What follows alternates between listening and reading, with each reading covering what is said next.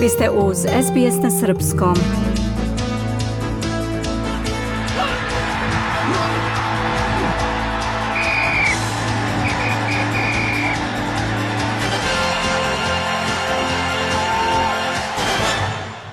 Trener košarkaša Crvene zvezde Janis Sveropoulos izjavio je da će crveno-beli morati da imaju dobar pristup na meču sa Baskonijom i dodao je da njegovom timu potrebna podrška navijača na meču 22. kola Evrolige. Košarkaši Crvene zvezde dočekaće sutra u Štark areni ekipu Baskonije u 22. kolu Evrolige. Trener futbolera Crvene zvezde Vladan Milojević posle pobede protiv Akritasa izjavio je da je protivnik bio dobar, ali je njegova ekipa uradila sve što je bilo planirano i da će u narednim mečevima fokus biti korišćenje detalja sa treninga.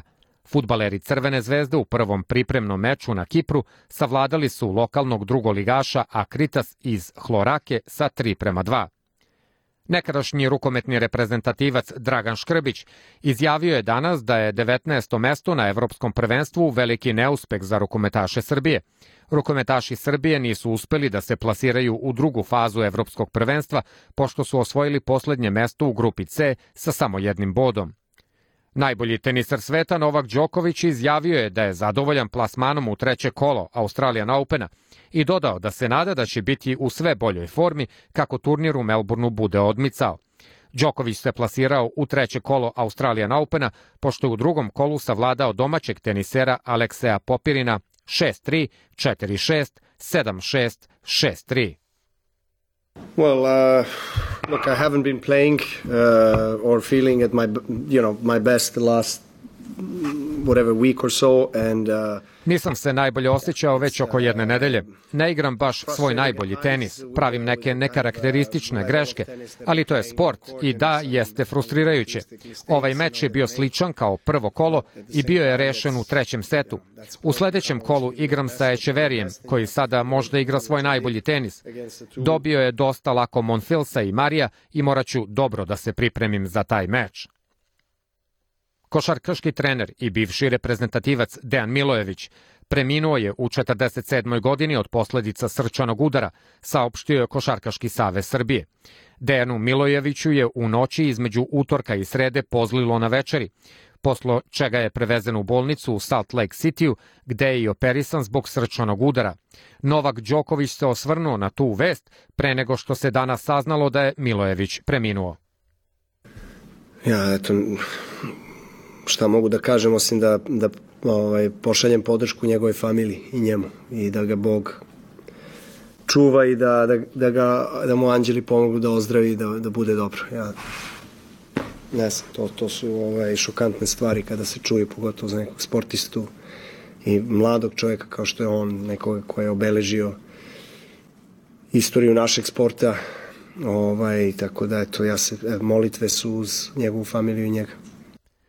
Srpski teniser Miomir Kecmanović e, treba da odigra meč drugog kola Australian Opena protiv Nemca Jana Lenarda Štrufa danas. Nakon prvog kola Australian Opena, Srbija je ostala na dva predstavnika u Melbourneu, oba u muškoj konkurenciji.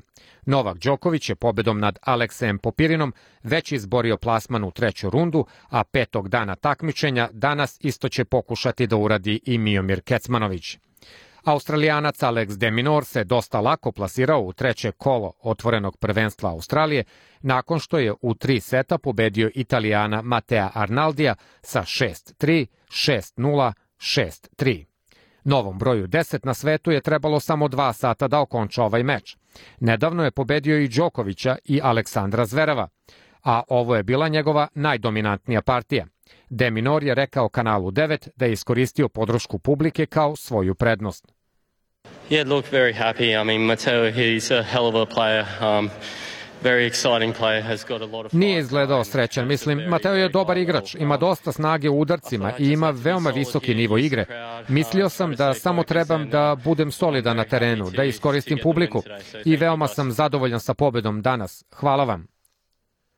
Stefanos Cicipas je pobedio Australijanca Jordana Thompsona i prošao u treće kolo.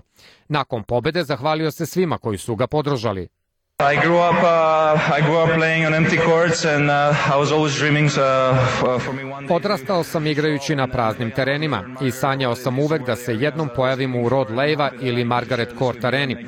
To su bile arene koje su mi bile cilj i srećan sam što to mogu da podelim sa vama i da ovo bude deo mog puta. U ženskom singlu Storm Hunter je takođe ušla u treće kolo nakon teškog meča sa Nemicom Lorom Sigmund i pobedila je sa 6-4, 3-6, 6-3. U ostalim mečevima juče smo videli par iznenađenja u ženskom singlu jer su ispali osmi nosilac Sakari i 25. nosilac Marten kao i 16. nosilac Garcia. 32. nosilac Fernandez, a zatim i šesti nosilac i jedan od favorita Žabul. Želite da čujete još priča poput ove? Slušajte nas na Apple Podcast, Google Podcast, Spotify ili odakle god slušate podcast.